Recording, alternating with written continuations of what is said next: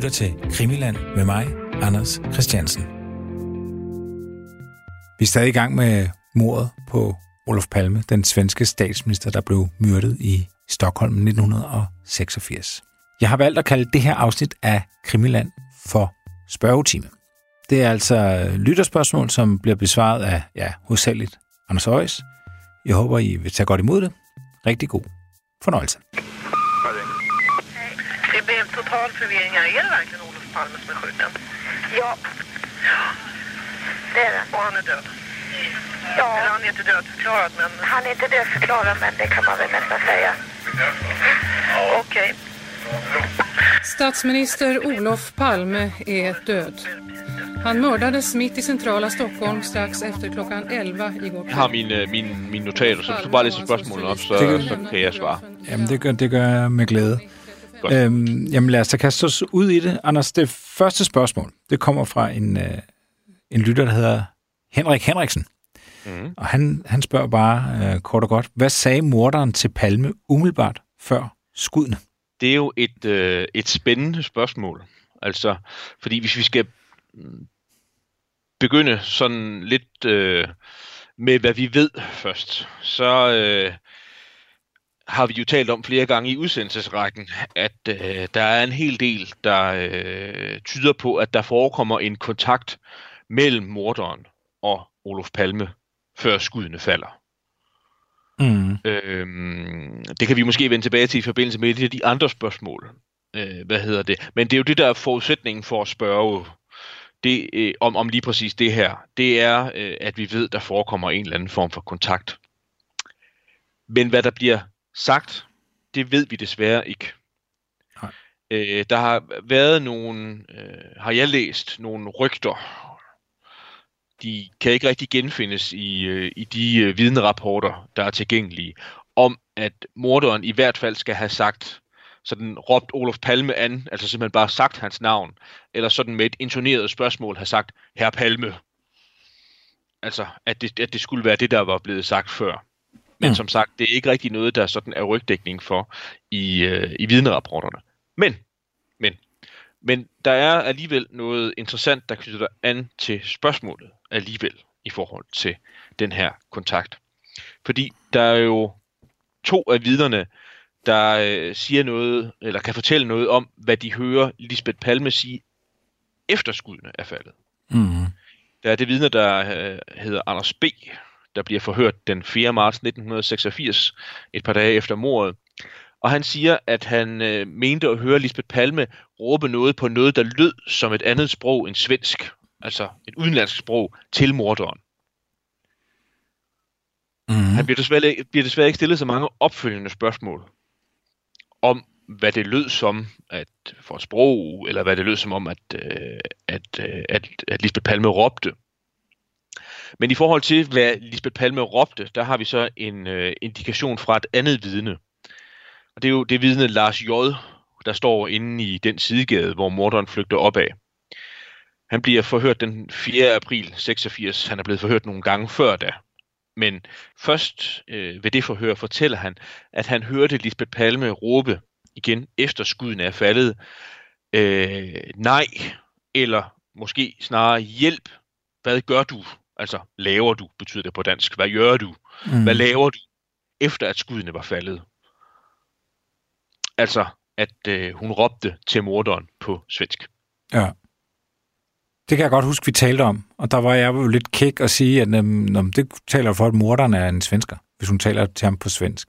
Ja, og hvis de har været det, så tyder det Lisbeth Palme jo, det, det hun råber, det tyder jo så på, at, øh, at morderen var en mand, hun havde foretaget sådan, skal vi kalde det, en indledende bedømmelse af, og ikke ventet noget ondt fra ham. Mm. Og derfor bliver hun så overrasket over, hvad der så sker, da skuddene falder. Ja. Øhm, nu er der jo altid sådan et, øh, et gådefuldt øh, slør omkring øh, Lisbeth Palme. Det kommer jeg også tilbage til. Jeg kan godt sige nu, der er ret mange, øh, der har interesseret sig for Lisbeth Palme øh, i forbindelse med, med de her, øh, den her spørgeteam, vi laver. Øh, har hun sagt noget om, hvorvidt hun selv siger noget? Nej, altså hun har jo dels øh, øh, sagt, at der ikke forekom nogen kontakt mellem øh, ægteparet Palme og morderen. Og heller ikke fortalt noget om, at hun skulle have øh, råbt eller sagt noget bestemt, Mm. efter at skydende faldt. Mm. Så vi har jo en lidt en, en tilbagevendende situation med, at der er en over, uoverensstemmelse mellem, hvad Lisbeth Palme selv siger, og hvad nogle af de andre vigtige gerningsstedsvidner siger.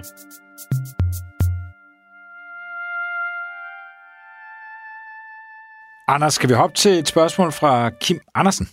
Ja. Hvis Holmer bevidst kørte efterforskningen på vildspor, hvorfor fortsatte han så en parallel efterforskning mod kurderne sammen med Ebbe Carlson? Hvad skulle det gøre godt for? Og lad mig bare lige inden du svarer, altså Hans Holmer, den første efterforskningsleder, har vi jo flere gange i programmet jo mere end antydet, at han jo egentlig bevidst ledte efterforskningen på vildspor, og han satte egentlig folk til at gøre nogle, nogle ting, som ikke nyttede noget, men bare for, at de skulle lave noget andet end at opklare mordet.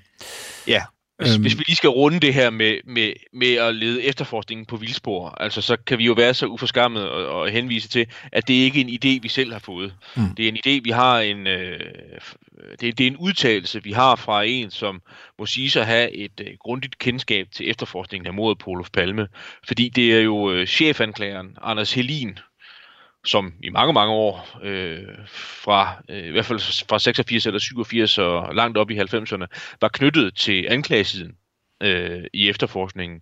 Og han procederede jo også i sagen mod Christa Pettersson. Og han har sagt det her offentligt. Mm-hmm.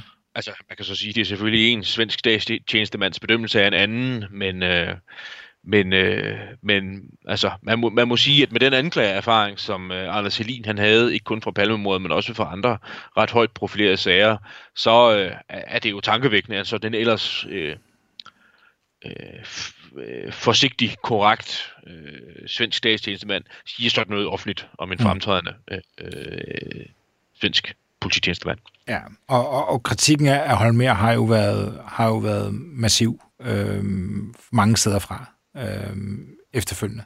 Øh, jeg har skrevet i mine notater, at Holmer han var sådan en slags chef-ideolog for den her parallel efterforskning. Mm. Altså Mhm. chef-konsulent kunne man også kalde ham i stedet for. Altså fordi øh, han var jo, efter han var øh, øh, fratrådt øh, som efterforskningsleder, og også som lenspolitimester i Stockholm, så var han jo øh, blevet, øh, jeg tillader mig at sige, gemt af vejen hos, så vidt jeg husker, Interpol i Wien, hvor den svenske stat øh, i øvrigt aflønnede ham som narkotikaekspert, og var ikke som sådan operativt virksom i den her parallel efterforskning, som Ebbe Carlsson øh, orkestrerede. Men han øh, gav i hvert fald gode råd til sin ven Ebbe Carlsson, og øh, der er også et vist belæg for at sige, at han sørgede for, at øh, noget af efterforskningsmateriale, som han disponerede over, lod han Ebbe Carlsson se nærmere på Mm hvorfor han gjorde det.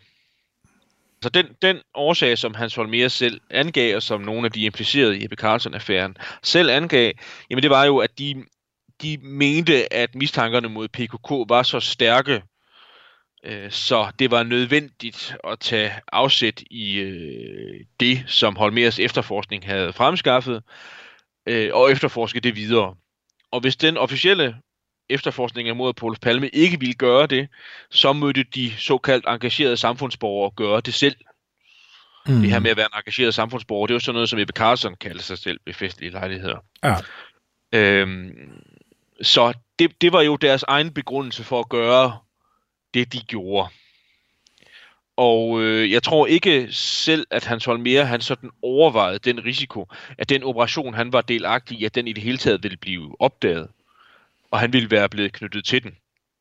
Mm. Altså i Hans Holmers egen opfattelse, så var han øh, øh, anbragt i en bekvem stilling, bekvem og vellønnet stilling i Wien, og derfra der kunne han så øh, enten korrespondere via brev, eller få besøg af Ebbe Carlson og give ham nogle gode råd og nogle, nogle, nogle gode vink om, hvad han, ville med, øh, hvad han burde gøre, og han kunne nok også tage en snak i telefonen med deres øh, medsammensvorene Karl Lidbom, hvis det var nødvendigt. Mm videre, videre strakte det ikke, og det er jo lidt en skam, altså, og det er dels en skam og dels tankevækkende, at vi øh, ikke har fået knækket den nød. Altså, vi ved ikke, hvorfor de gjorde det. Vi ved, at der er en hel del, der tyder på, at deres egen begrundelse ikke holder vand. Altså, at det ikke bare var sådan noget med øh, stærke mistanker mod PKK og engagerede samfundsborgere, men at der stak mere under. Men hvad? Det er vi aldrig rigtig blevet klog på. Og Hans Holmer er jo desværre heller ikke blandt, iblandt os længere. Ebbe Carlsen er heller ikke. Nej. I bor med held. Tror du, at... Det er lidt kringlet spurgt. Men tror du, at Hans, Hans Holmer selv troede på, at det var PKK? Nej, det tror jeg ikke.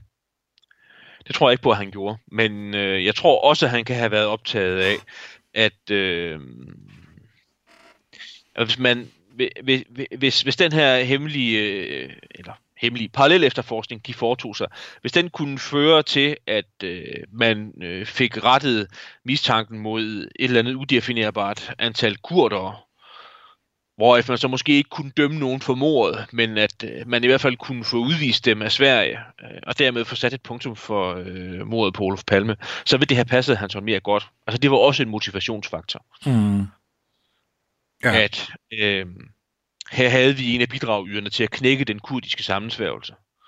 Vi kunne desværre ikke finde manden med revolveren, men vi kunne da finde de sammensvornes kreds, og øh, retsstaten var så håndfast, så den sørgede for at få udvist de her ubehagelige elementer af Sverige. Ja. Mofar, øh, Christian Kirk Mofar har jo tidligere redegjort for, noget lignende, at det her med, at strategisk øh, på alle mulige niveauer kunne det være, give god mening at, at udpege PKK øh, som, øh, som, som gerningsmænd øh, til mordet på Olof Palme, også i forhold til hele Tyrkiet og NATO og alle mulige andre, på alle mulige andre niveauer, vil det egentlig være en, en, en meget bekvem øh, sønder, så at sige. Ja, og hvis man skal være sådan, hvis vi skal være lidt polemiske, så kan man jo godt sige, at det var på mange måder, så hvis det skulle være en sammensværgelse, så havde det netop været den ideelle sammensværgelse. Mm.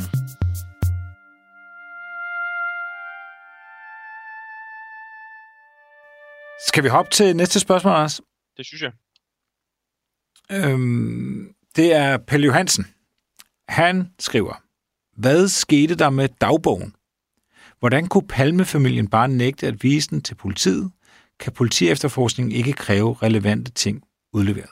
Uden at jeg sådan er, er, er kyndig ud i, eller ikke, ikke sådan sagkyndig i hvert fald, ud i, hvilke beføjelser politiet har i forbindelse med en morefterforskning så vil det jo være sådan, at øh, hvis det retlige grundlag ikke er til stede for øh, umiddelbart at lave en, øh, altså øh, at lægge beslag på en genstand, der har øh, relevans for efterforskningen, så skal man jo tilvejebringe det retlige grundlag for at foretage beslaglæggelsen. Altså det vil sige, i, hvis jeg nu skal gå lidt væk fra sådan en tilstræbt jurajargon, øh, så, så ved vi jo i hvert fald som udgangspunkt, at øh, familien ikke ønskede at udlevere den her øh, dagbog, eller nok måske mere præcis notesbog. Mm. Den, det ønskede familien ikke øh, at gøre. Og hvis man skulle have gjort det med tvang, så, øh, så skulle politiet jo have øh, tilvejebragt en dommerkendelse, der skulle have øh, givet dem ret til det. Og det kan man sige, det kunne de selvfølgelig have gjort.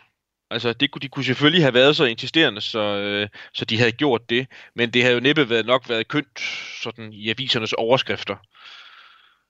Hverken for politi efterforskningen, men slet ikke for familien Palme, den sørgende familien Palme, mm. at det skulle komme så vidt. Så det var jo nok af de strategiske hensyn, at man lod være. Mm. Altså fordi der ikke var, øh, med et fint ord, en direkte kausal, altså logisk indlysende forbindelse imellem dagnotesbogen og efterforskningen. Mm. Altså, vi, vi, vi ved jo, øh, hvis vi skal brede det ud sådan i et lidt bredere perspektiv, så, så ved vi, at, øh, at det var vanskeligt for efterforskningen og øh, efterforske Olof Palmes private forhold det har øh, den, den, den grænsningskommission, vi har talt om nogle gange, som virkede i, i 90'erne, øh, har jo også undersøgt det her spørgsmål her. Og også kritiseret den manglende systematik i øh, undersøgelsen af Olof Palmes private forhold. Ja. Og dermed jo også, øh, sådan tillader jeg mig at fortolke det, også forsigtigt, at, øh, at, den her, at, at, at man for eksempel ikke har forsøgt at få adgang til den her dag- og notesbog. Og hvad, hvad er historien med den? For jeg synes, jeg husker også, at der var tale om, at det er igen et borgernæsprogram, jeg sikkert tænker på, med at den egentlig har været fremme, men nu kan man ikke redegøre for den, eller hvordan er det rent fysisk, øh, den historie med den dagbog? Jeg tror, det, det indslag, du tænker på, det er et interview med øh, Anders Helin, der som nævnt var, var, var øh, tilknyttet anklagersiden i en Mm. del år. Øh, og og i, der, der er der et, øh, et interview, hvor borgerne spørger til eksistensen af sådan en dag- eller notesbog, og hvor Helin sådan lidt modstræbende, men dog til sidst bekræfter, at, at sådan en ved man, at der har været. Mm. Altså, han siger jo ikke direkte, at man har, han, man har forlangt at få den udleveret. Mm. Men øh, sådan som jeg hører ham, så siger han, at man har forsøgt, Ja. at den ikke er blevet udleveret. Fordi familien har modsat sig det. Ja, og er der ikke også, nu vi er i gang, er der ikke, øh, ret mig hvis jeg tager fejl, men jeg mener at kunne huske, at Morten Palme øh, jo tager, inden han tager på, øh, på hospitalet på mornatten, så er han lige op forbi øh, forældrenes lejlighed. Jo, det er, det er faktuelt rigtigt. Vi ved ikke, hvad han laver. Nej, Skal, skal det understreges i forlængelse af det. Nej. Men man ved, han har været der, og man ved, han har været inde i deres lejlighed. Ja. Øh, og man ved også, eller jeg har i hvert fald set øh, Lars Bornes skrive det om det i sin seneste bog, og han, øh, han plejer at have de faktuelle oplysninger øh, i orden. At øh, man ved, at øh, sådan Olof Palmes private ejendele var blevet fjernet fra hans kontor, Mm. inden politiet kom så vidt. Det- Og det er jo selvfølgelig utrolig, øh, utrolig spændende, fordi det, det er man mega nysgerrig. Hvem fanden har været forbi og fjernet det, og hvorfor skulle de fjernes?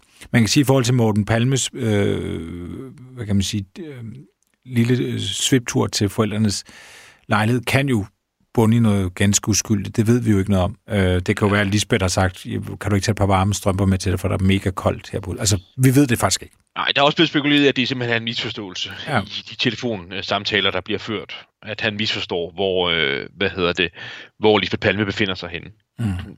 Øh, hvad hedder det? Øhm, så, så hvis vi skal svare også på den første del af det, Pelle Johansen spørger om, nemlig Mm. hvad der sker med dagbogen, så må vi jo også sige, at det ved vi faktisk ikke helt nøjagtigt andet, end at øh, vi ved, at den blev ikke udleveret til politiet, og som følge af det, så må vi jo konkludere, at den blev i familiens besiddelse. Ja. Og hvad de så har gjort ved den, det ved vi ikke. Nej. Nu kan jeg ikke finde ud af, om det er mig, måske også dig, at vi, vi er for optaget af det her palmemor, og at, at opklaringen må stå over alt.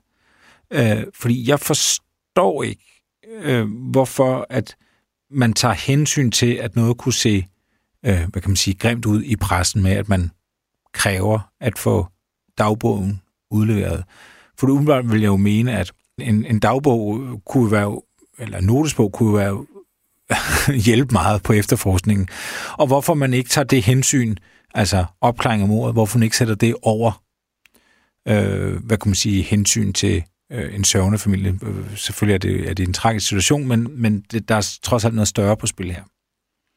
Det er også besynderligt, og det er jo også besynderligt, at man ikke har kunnet, nå frem til en eller anden overenskomst om, at man har lavet, øh, lad os bare sige, en pålidelig efterforsker, der var vant til at øh, sådan omgås med, øh, med personfølsomme oplysninger, strengt personfølsomme oplysninger om fremtrædende borgere, at man ikke har øh, lavet en sådan undersøg den notesbog.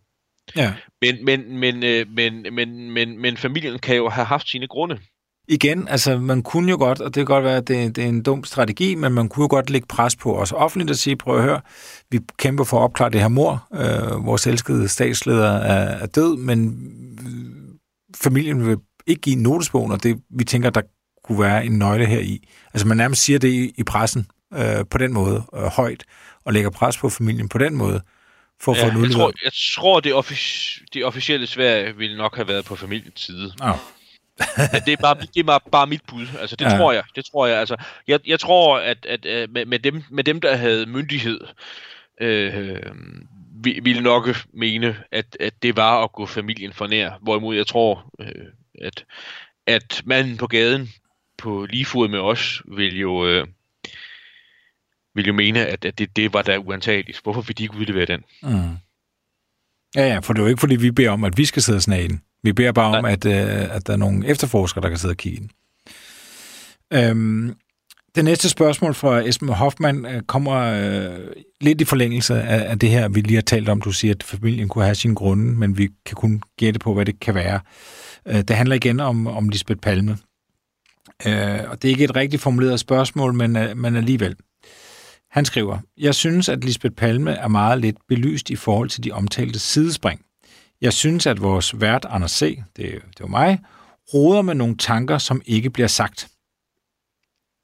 Øh, og, og så øh, tolker jeg det som, at, at altså, om Lisbeth Palme simpelthen har noget med mordet at gøre. Og det er jo så, så mig, der egentlig skulle svare på det, men jeg vil egentlig godt lægge den over til dig først, Anders. Jeg vil godt give mit besøg med, men ja. jeg, er nødt til, jeg er nødt til at begynde med at sige, at jeg tror ikke på, at Lisbeth Palme havde noget med mordet at gøre, og jeg tror ikke, hun var vidne om, at mordet var under forberedelse, eller hvad man nu kan tænke sig. Altså, øh, der kan, der kan folk, folk kan have meget stor villighed til, hvor langt de er villige til at gå planken ud i forhold til det. Men jeg, jeg er villig til at, at blive stående stødt og sikkert på sikker grund på skibet, og sige, at jeg tror ikke på, at hun var vidne om noget, og jeg tror ikke, hun var på, at hun var delagtig i noget. Mm. Men jeg vil, jeg vil gerne sige noget om Lisbeth Palme, det er jo ikke det. Mm. Øh, og jeg vil også gerne sige noget om nogle, øh, skal vi kalde dem, øh, specielle omstændigheder ved Lisbeth Palmes øh, tilknytning til efterforskningen. Mm. Lisbeth Palme er jo i kontakt med forskellige myndighedspersoner allerede på mornatten. Altså mens de befinder sig på øh, Sabbatsberg sygehus, altså den skadestue, det hospital, hvor øh, Palme og Lisbeth, øh, Olof Palme og Lisbeth Palme øh, bliver, bliver bragt til på mornatten. Ved vi jo, at øh, efter at, øh, at, at mordet, døden, er et faktum, så, så ved vi, at Lisbeth Palme taler med forskellige personer. Og hun taler også med nogle polititjenestemænd det står ikke helt klart, men der er, jo ikke, der er jo ikke ført en fortegnelse over, hvem hun er i kontakt med. Men der er nogen, blandt andre Gunnar Wall, der jo har undersøgt, hvem hun har været i kontakt med. Og hun har, øh, jeg ved ikke, hvordan jeg skal udtrykke det, med, nok med stor sikkerhed. Jeg vælger udtrykket med stor sikkerhed at været i kontakt med Sepo på selve mornatten. Mm. Og jeg tror for det første, at Lisbeth Palme får øh, en besked, vi ikke helt kender indholdet af, og nok aldrig kommer til at kende indholdet af. Men jeg tror, igen med streg under streg også, at hun får en besked, det er nemmere at gætte sig til, hvad hun får at vide. Det vil sige, efter hun er faldet lidt øh, til ro, og Lisbeth Palme var jo også, var jo også vant til at omgås myndigheder. Hun har været gift med Sveriges statsminister, en der kendte det svenske samfunds øh, åbne og lukkede og lyse og mørke sider ud og ind, vidste godt, hvordan sådan noget fungerede. Hun, det var ikke første gang, hun havde været i kontakt med sådan nogen. Hmm. Så derfor tror jeg, hun får at vide, at hun skal passe på, hvad hun siger altså simpelthen som sådan en slags service, så får hun at vide, jamen, men du skal vide, at lige så snart du forlader det her sygehus, efter at det tragiske faktum er, er indtrådt, og din mand er blevet myrdet, så vil du blive opsøgt af pressen. Og pressen vil stille dig en hel masse spørgsmål og gøre alt, hvad de kan for at komme i kontakt med dig. Mm. Det vil sige, at hun bliver bedt om at tænke sig om, før hun siger noget. Og det tror jeg rent faktisk, Lisbeth Palme tager til efterretning. Altså hun tænker sig meget om, før hun siger noget til nogen. Og så ved vi jo, at øh, Lisbeth Palme er meget utilfreds med, at oplysninger fra det første forhør, der er med hende kort tid efter mordet, de finder vej til pressen. Mm. Altså det vil sige, at selv når hun taler med dem, hun måtte mene var de mest betroede og mest hensynsfulde efterforskere, hun kunne komme i kontakt med, så vandrede oplysningerne alligevel videre til pressen. Og det tror jeg, det fører til, at Lisbeth Palme skærmer sig selv yderligere af. Vi ved fra en af de anklager, Lisbeth Palme havde rigtig meget kontakt med, Solveig Riberdal, at Lisbeth Palme har sagt, øh, eller det var hende, det var Solveig Riberdals øh, vurdering, at når det galt afvejningen imellem Lisbeth Palmes private integritet altså det med, at, at hun kunne øh, få lov at være i fred med sig selv og sine tanker, og så afvejningen imod, at mordet ville blive opklaret, eller skulle blive opklaret, så satte Lisbeth Palme sin integritet forud for opklaringen. Og så vil jeg lige tillægge sådan nogle lidt bredere pointer i forhold til Lisbeth Palme også, som vi ved, og noget af det ved vi også fra øh, Solveig Riberdahl, det er, at der er også nogle karaktertræk ved Lisbeth Palme, som jeg godt synes, vi kan være bekendt at sidde og diskutere, samtale om i hvert fald. Mm. Og det er, at Lisbeth Palme øh, var ikke uden selvbevidsthed.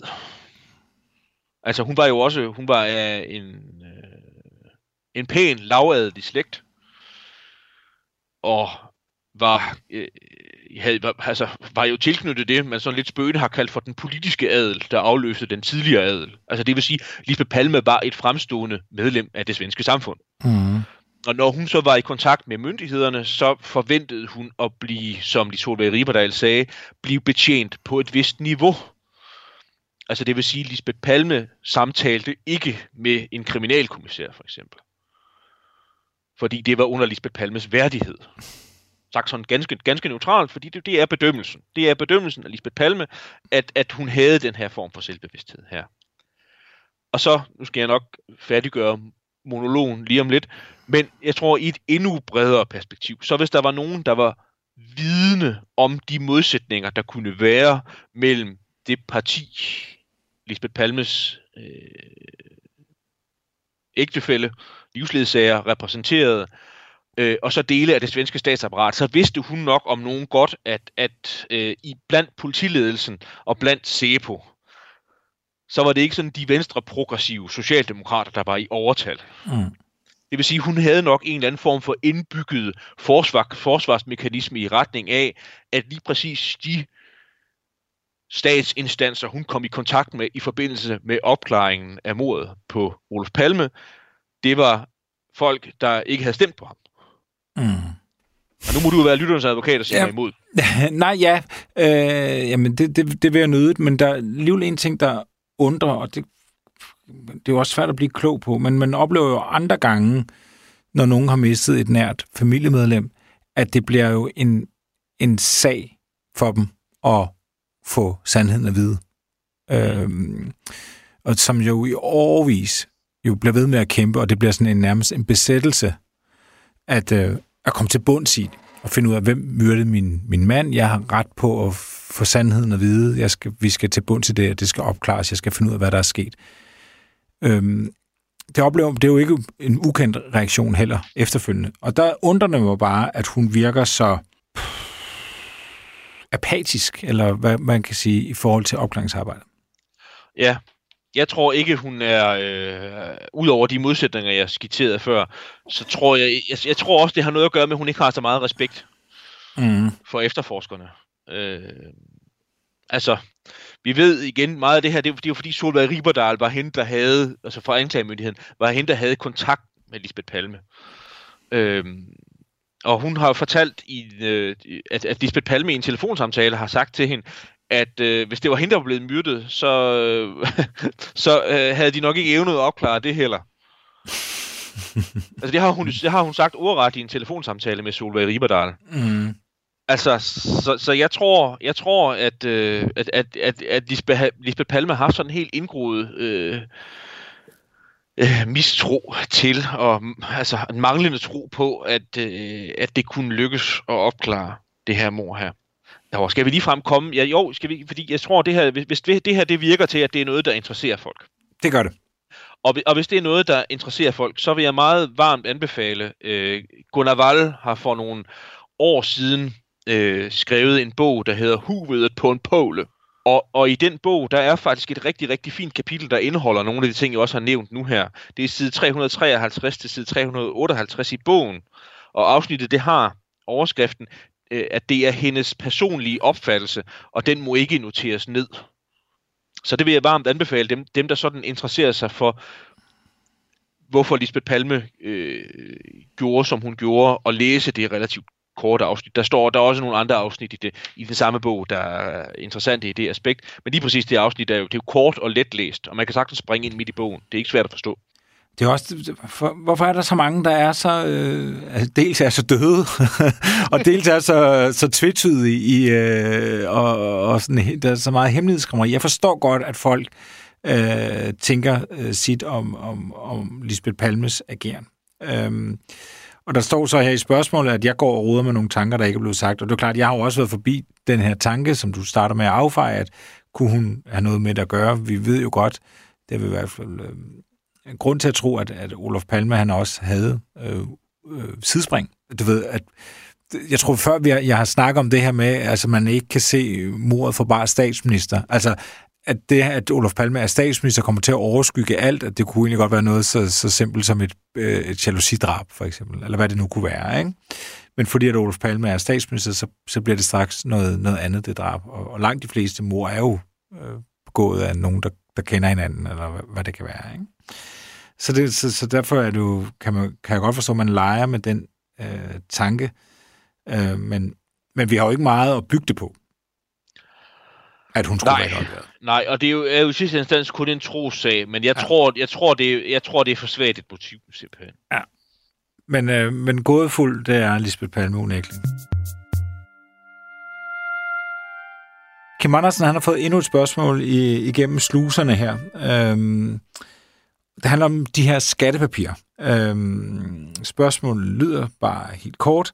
Hvem tror I har fjernet skattepapirerne, og med hvilket motiv? Ja. Spørgsmålet er, om vi ikke lige skal repetere det her først med de her skattepapirer. Jo. Hvad det er for nogle skattepapirer. Og jeg tror, vi, vi skærer baggrunden relativt skarpt til at bare nøjes med at konstatere, at Olof Palme er indblandet i en skattesag, Mm-hmm.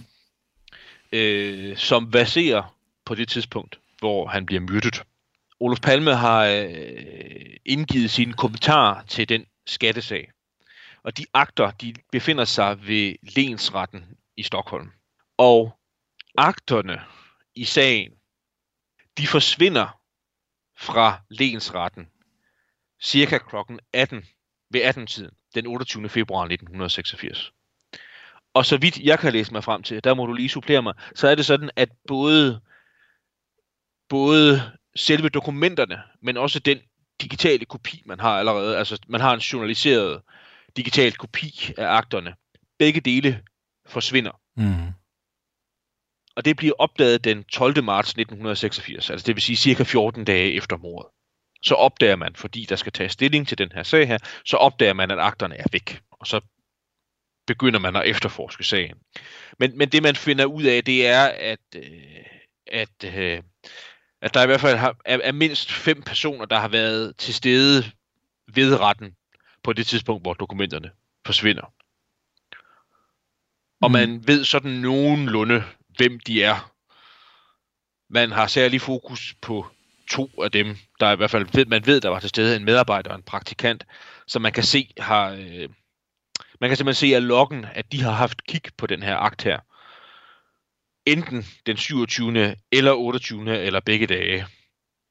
Og det er jo også lidt underligt, fordi dem, der har fjernet akten der ved 18-tiden, der kan man simpelthen se at loggen, at de har først fjernet akten, og så har de foretaget et opslag om en kvinde, som Grænsningskommissionen benævner Desiree H. Umiddelbart derefter.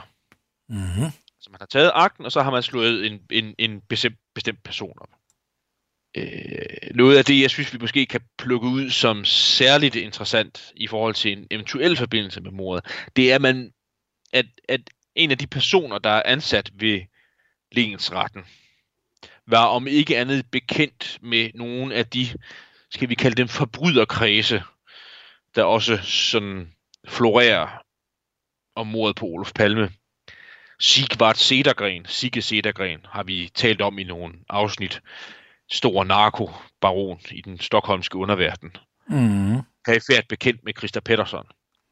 I dag er det, er det bedste, øh, man kan gøre, det vil jeg sige, det er at studere Grænsningskommissionens sammenfatning af den her sag her, og så øh, afvente de øh, dokumenter, der må komme frem. Det er selvfølgelig oplagt, hvis vi skal referere et muligt motiv, så er det jo ofte blevet knyttet til den her teori, der er om, at øh, for det første om, at øh, Olof Palme havde et aftalt kort møde med morderen, og det her, det for eksempel kunne være anledningen Mm. at, at hvis Olof Palme er blevet kontaktet og er blevet bedt om at, at, at, give et kort møde, om, øh, om aftenen, altså, så kan der jo være blevet sagt, at vi, vi, vi, har nogle, øh, vi har nogle dokumenter om din skattesag. Kunne du ikke tænke dig at se dem? Ja. Eller jeg vil gerne give dig nogle dokumenter om din skattesag. Hvor, hvor, hvor kan vi mødes et tilfældigt sted, du kommer gående forbi?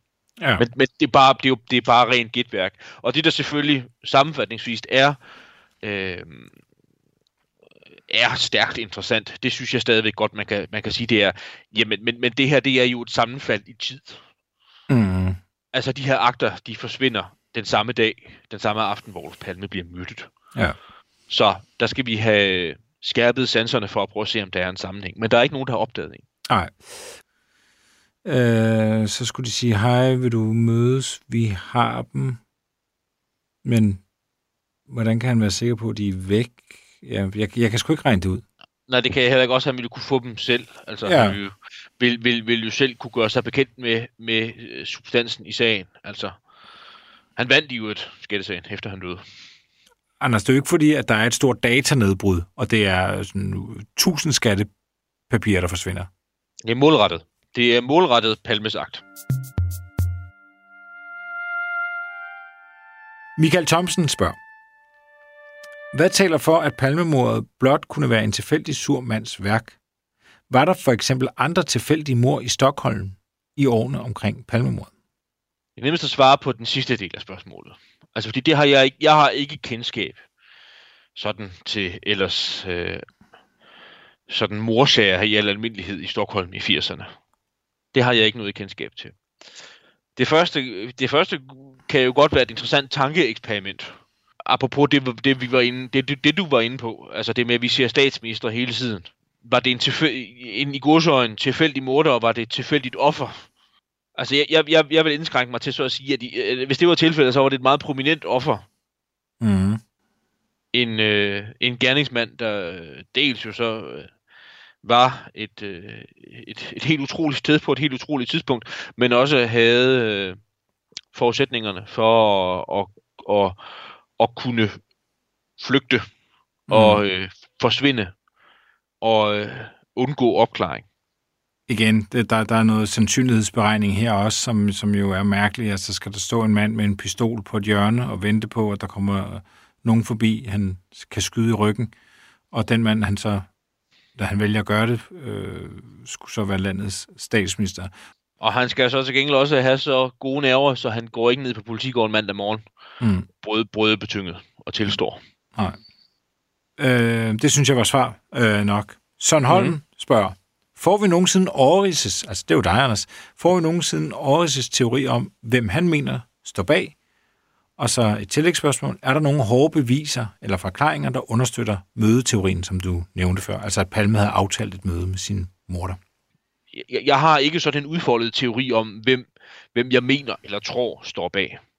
Jeg har sagt offentligt, og vil også gerne sige her, at øh, den kreds af personer, vi sådan lidt løsligt har betegnet som bogstavbetjentene i den her udsættelsesrække her, Ø og G i første række, men også nogle af de øvrige, vil jeg, og nu skal man høre godt efter, anbef- dem, dem, dem, dem synes jeg, man skulle have efterforsket grundigere. Mm-hmm.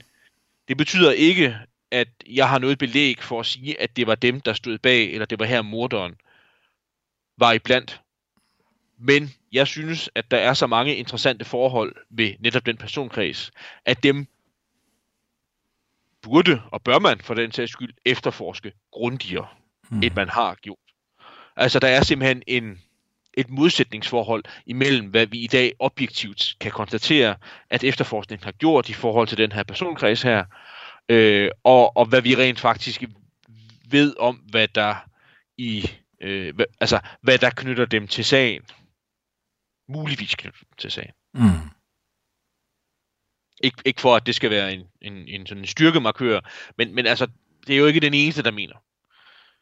Jeg tror, øh, du, du har citeret et par gange, og vi kan citere igen det med, at, at det man for eksempel gjorde i forhold til et, et, en af de specifikke bogstavbetjente, nemlig Ø, at det man gjorde, det var for lidt, og det man gjorde, det gjorde man for sent. Mm.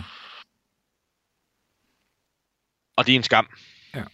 Fordi jeg tror, øh, jeg vil formulere det på den måde, at jeg tror, øh, jeg tror godt, at man kan finde en, øh, en, en nøgle til nogle af goderne der. Altså, jeg, jeg mener, at, at, at, at øh, mordet var planlagt. Og jeg hælder til at mene, at der lå et politisk motiv bag. Mm. Og så skal man lede efter nogle folk, der har adgang til overvågningsudstyr og uregistreret våben. Ja. Og det sidste, det sidste, jeg siger, vil jeg gerne specificere, det er fordi, at jeg har aldrig nogensinde, øh, eller jeg har meget, meget svært ved at tro på, at øh, dem, der, eller den person, der myrdede Olof Palme, skulle have gjort det med et licenseret våben. Det ville være noget af det dummeste, man kunne gøre overhovedet. Ja. Fordi det ville jo lide politiet på den ene eller på den anden måde direkte på sporet af morderen. Ja. Så jeg hælder til at sige, at selvfølgelig bliver der brugt et uregistreret våben. Ja, og det var, øh, i den forbindelse er det jo meget sjovt at, at- huske på, øh, hvis man har studeret Stig Engstrøm, og, og den her knytning, man prøver at lave til den her våbensamler, øh, og for at knytte ham til, til et våben, der siger våbensamlerens datter jo, om den tanke, at det skulle have våbensamlerens våben, Stig Engstrøm skulle have brugt, siger hun jo, at det er jo noget af det mest latterlige, at så dum vil hendes far jo aldrig nogensinde være. Øh, altså at låne et, et, et våben ud til en, der skulle, skulle myrde øh, øh, en mand. Øh, og det, det er lidt forlængelse af det du, øh, det, du siger her. Ja, og så er der så den anden del af Søren Holms spørgsmål. Ja. Altså med nogle hårde beviser eller forklaringer, der understøtter mødeteorien. Og der skal selvfølgelig være en begrebsafklaring. Altså, hvad, mener, hvad, hvad menes der med hårde beviser? Altså, jeg, jeg kan jo begynde med mig selv at sige, at jeg mener, at øh, analyser af vidneudsagn, det er hårde beviser. Altså, hvis vi øh, forholder os reflekteret til, hvad vidner har sagt, så har vi hårde beviser. Og der er sådan en klassisk øh, tretrinsraket i forhold til, til det, der, det, der understøtter mødeteorien. Vi har talt om de her berømte 43 sekunder på et tidspunkt, Mm. som jo stammer fra det vidne Nikolaj F., der kommer gående i den modsatte retning af ægteparet Palme på, øh, på Sværvæggen på samme fortorv, der jo øh, passerer gerningsstedet, går en vis strækning, og så kan han huske, hvor han møder ægteparet Palme, og så går han videre en anden given strækning. Og så da politiet undersøger Nikola F's færden, så kan, man, så, så kan de konstatere, at Nikola F kommer længere på den, efter han har passeret ægteparet Palme, end han har gået før. Altså, ægteparet Palme er for lang tid om at nå hen til det, der bliver til gerningsstedet. Ja. I præcis 43 sekunder. Og det er de 43 sekunder, det udgør jo sådan en lakune eller mangel, altså uforklaret. En uforklaret periode, hvor vi ikke ved, hvad ægteparet Palme foretager sig. Mm. Og så er der, synes jeg jo også, to andre vidner, der øh, er værd at konsultere i den forbindelse. Der er taxachaufføren Anders D., der bliver forhørt en time efter mordet. Og han fortæller, at han ser tre personer stå og samtale, før skuddene bliver affyret. Og Anders B., et vidne, der befinder sig øh, på fortorvet på Sveavikken bag ægteparet Palme, bliver afhørt tre timer efter mordet. Mm. Og han siger også, at han ser tre personer foran sig, der står og samtaler, og de går mindst 5 meter sammen, altså nogle skridt sammen, hvor de er i kontakt med hinanden. Der er flere end dem. Men her har vi altså to vidner, der er meget, meget tæt på mordet, som siger, at der forekommer et møde, en kontakt imellem ægteparet Palme og morderen. Vi skal huske at anføre, at Lisbeth Palme siger jo det modsatte. Ja. Og så synes jeg, der er en anden øh, principiel betragtning, det er værd at tage med i forhold til den her mødeteori. Og det er, at den ultimative vanskelighed, den består i at bevise, at der var tale om et aftalt møde. Mm. Ja. Det har vi den helt klare vanskelighed, at der øh, er det jo formentlig det kan, det kan være, at det kun er gerningsmanden Olof Palme, der ved, at der er tale om et aftalt møde. Og Olof Palme kan jo ikke fortælle noget, og gerningsmanden har vi ikke fået fat på. Samme kan vi heller ikke spørge.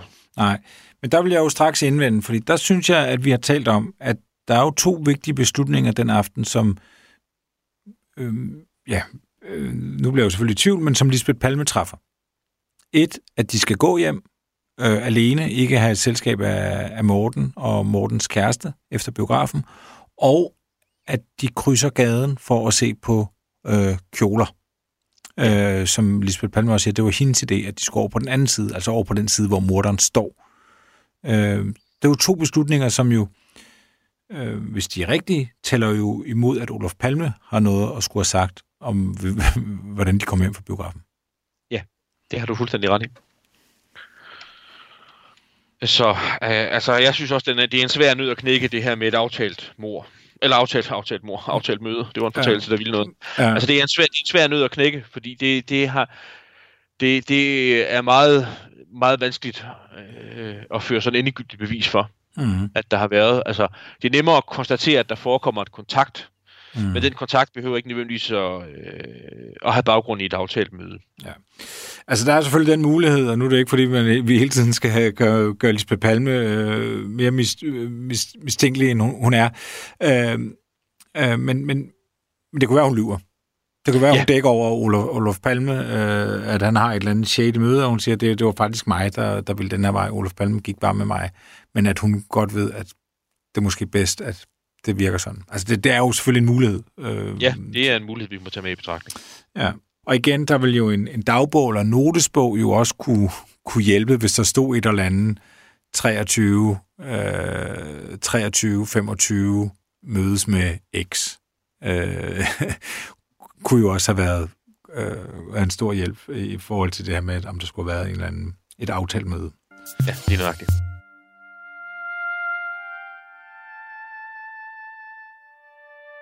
Jamen, så er vi faktisk fremme ved sidste spørgsmål, men ikke mindste. Uh, det er Thomas Frost. Jeg læser op. Det er lidt langt, men uh, jeg læser op. Er du klar? Ja. Hvordan var den normale procedure i forhold til palme og livvagter? Var det normalt, at vagterne fik fri, eller var det et særtilfælde den skæbnesvanger aften? Hvornår sendte Palme dem hjem? Hvem vidste det? Og kan viden om de manglende livvagter på nogen måde øh, have links til nogle af de usual suspects? Altså, øh, det er nok nogle af dem, vi, vi, vi plejer at, at nævne, når vi, vi snakker om forskellige teorier. Jamen, men Anders, hvad, hvad kan vi sige her? Ja, det er sådan en lidt en kinesisk æske, det spørgsmål, for sådan åbner flere, og så kommer der flere i. Men det er et spændende spørgsmål. Mm. Altså, hvis vi tager dem lidt i rækkefølge. Altså, der bliver spurgt, hvordan den normale procedure var. Og den normale procedure var, øh, at øh, Palme var ret fritstillet i forhold til, om han ville have livvagter eller ej. Han brød sig ikke om det. Men vi ved, at, at, at i nogle tilfælde, når der kom en direkte anbefaling fra SEPO, så blev han udstyret med livvagter. Vi ved for eksempel, at øh, Palme talte ved et offentligt møde, ikke så lang tid før mordet, sådan en såkaldt folkerigsdag mod apartheid. Altså hvor der var øh, repræsentanter for ANC, altså den, øh, altså den, den øh, de sortes modstandsorganisation i Sydafrika Mhm. var til stede, og ledelsen var til stede. Og man formodede også, at der ville være øh, sydafrikanske agenter, altså agenter fra apartheidstyret til stede. Og der, der, der vurderede SEPO, at trusselsniveauet var så højt, så Olof Palme, han, hans frie valg blev inddraget. Der havde han livvagter. Men ellers sådan i en almindelig hverdag, så var det i høj grad overladt til Palme selv, om, om han ville have livvagter, og hvornår han gav dem fri. Han havde ofte ikke livvagter, når han gik rundt i Stockholms midtby. Det var et sted, hvor han ikke brød sig om at blive fuldt af livvagter. Mm. Vi ved for eksempel, at to dage før mordet, den 26. februar 86, der øh, var øh, ægteparet Palme alene og uden livvagter og ude at spise middag på en restaurant i Stockholms midtby. Og det, der sker den øh, dag, hvor Palme bliver myrdet den 28. februar 86, det er, at Palme giver livvagterne fri sidst på formiddagen. Giver dem fri og siger, I kan godt gå hjem, jeg har ikke brug for jer mere i dag. Godt. Se, så øh, tror jeg, vi fik, øh, vi fik svaret på de to første dele af Thomas Frosts udmærkede spørgsmål. Det næste spørgsmål, der sådan kommer til, det er, hvem, hvem der kan have vidst, at Olof Palme gav sine livvagter fri. Og det vil jeg sige, det er der ikke andre end livvagterne selv, der kan have vidst. I udgangspunktet. Og så er, er den sidste del, det er så, hvis der har været en viden om, at Palme ingen livvagter vil have, kunne de så knyttes til nogle bestemte personkredse. Øhm. Altså det vil sige, det jeg svarer på nu, det er, hvem der kan have vidst det, og hvad den viden kan have ført til. Mm. Øh, og der skal jeg skynde mig at understrege, at vi ved noget, det, det ved vi dybest set ikke noget om. Men vi ved noget interessant i den forbindelse. Og det er, at øh, vi ved fra øh, en af Palmes nære medarbejdere, Sten Andersson, som på det tidspunkt, hvor mordet indtraf, var Sveriges udenrigsminister, havde en lang karriere, han havde været socialminister før, og havde været øh, partisekretær i mange år, en af Olof Palmes, som sagt, nære medarbejdere, og nok også en af private venner. Han har fortalt nogle år efter mordet i et fjernsynsinterview i en i øvrigt fremragende øh, dokumentar udsendelsesrække om mordet på Olof Palme. Den hedder Manden, mordet, mysteriet, og den blev vist i svensk fjernsyn i 1999. Der fortæller Sten Andersson, at han ikke så lang tid efter mordet, fra en øh, pålidelig kontakt, som Sten Andersson havde ved SEPO, der ved vi, at der var en, skal vi kalde det, en uofficiel kreds af personer i SEPO, der selv havde bestemt sig for, at de ville holde lidt øje med Olof Palme. Sten Andersson angiver den årsag, at øh, det er fordi, de anså ham for at være upålidelig, og der var en risiko for, at han ville øh, foretage sig noget, som ville bringe Sveriges sikkerhed i fare. Og som nævnt, så har får Sten Andersson øh, den her information ikke så lang tid efter mordet fra en pålidelig kontakt. Han har ikke nogen grund til at tvivle på den. Så det vil sige, at vi øh, ved, at der har været en løs gruppering i SEPO, som på egen hånd har overvåget Olof Palme. Og måske har en af livvagterne tilhørt den kreds, eller også så har den kreds på egen hånd været ude og operere den 28. februar 86, og kunne konstatere, at Olof Palme ingen livvagter havde. Og så har de så i hvert fald haft den viden. Der er øh, en interessant oplysning i forlængelse af det helt grundlæggende interessante, hvad det Sten Andersson fortæller. Og det er, at øh, det er øh, en svensk journalist, hvis navn vi har nævnt en del gange, en meget dygtig journalist, der har beskæftiget sig indgående med mordet på Olof Palme. Lars Bornes, mm-hmm. det er ham, der interviewer Sten Andersson. Og Sten Andersson videregiver navnet på sin kilde fra den gang til Lars Bornes. Vi får ikke navnet. Men Lars Bornes fortæller, at han har talt med kilden, som bekræfter de oplysninger, Sten Andersson giver. Altså det vil sige, det er ikke bare en påstand fra Sten Anderssons side. En af dem, der var indblandet i den her uofficielle kreds af på folk, bekræfter oplysningerne. Og han kan fortælle nogle supplerende oplysninger om de her folk, der færdedes i de her kredse her. Og det er, at en af dem, man råder over, det var en tekniker, der havde adgang til det udstyr, SEPO selv havde, og at nogle af dem, der også var der, det var folk, der havde erfaring med overvågningsoperationer.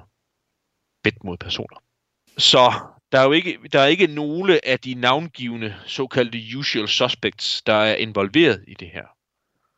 Men der er jo en mulig forbindelse til en kreds af personer, der på egen hånd havde bestemt sig for, at Olof Palme var upålidelig, og det var nødvendigt at overvåge ham på egen hånd for at holde øje med, hvad han gik og lavede.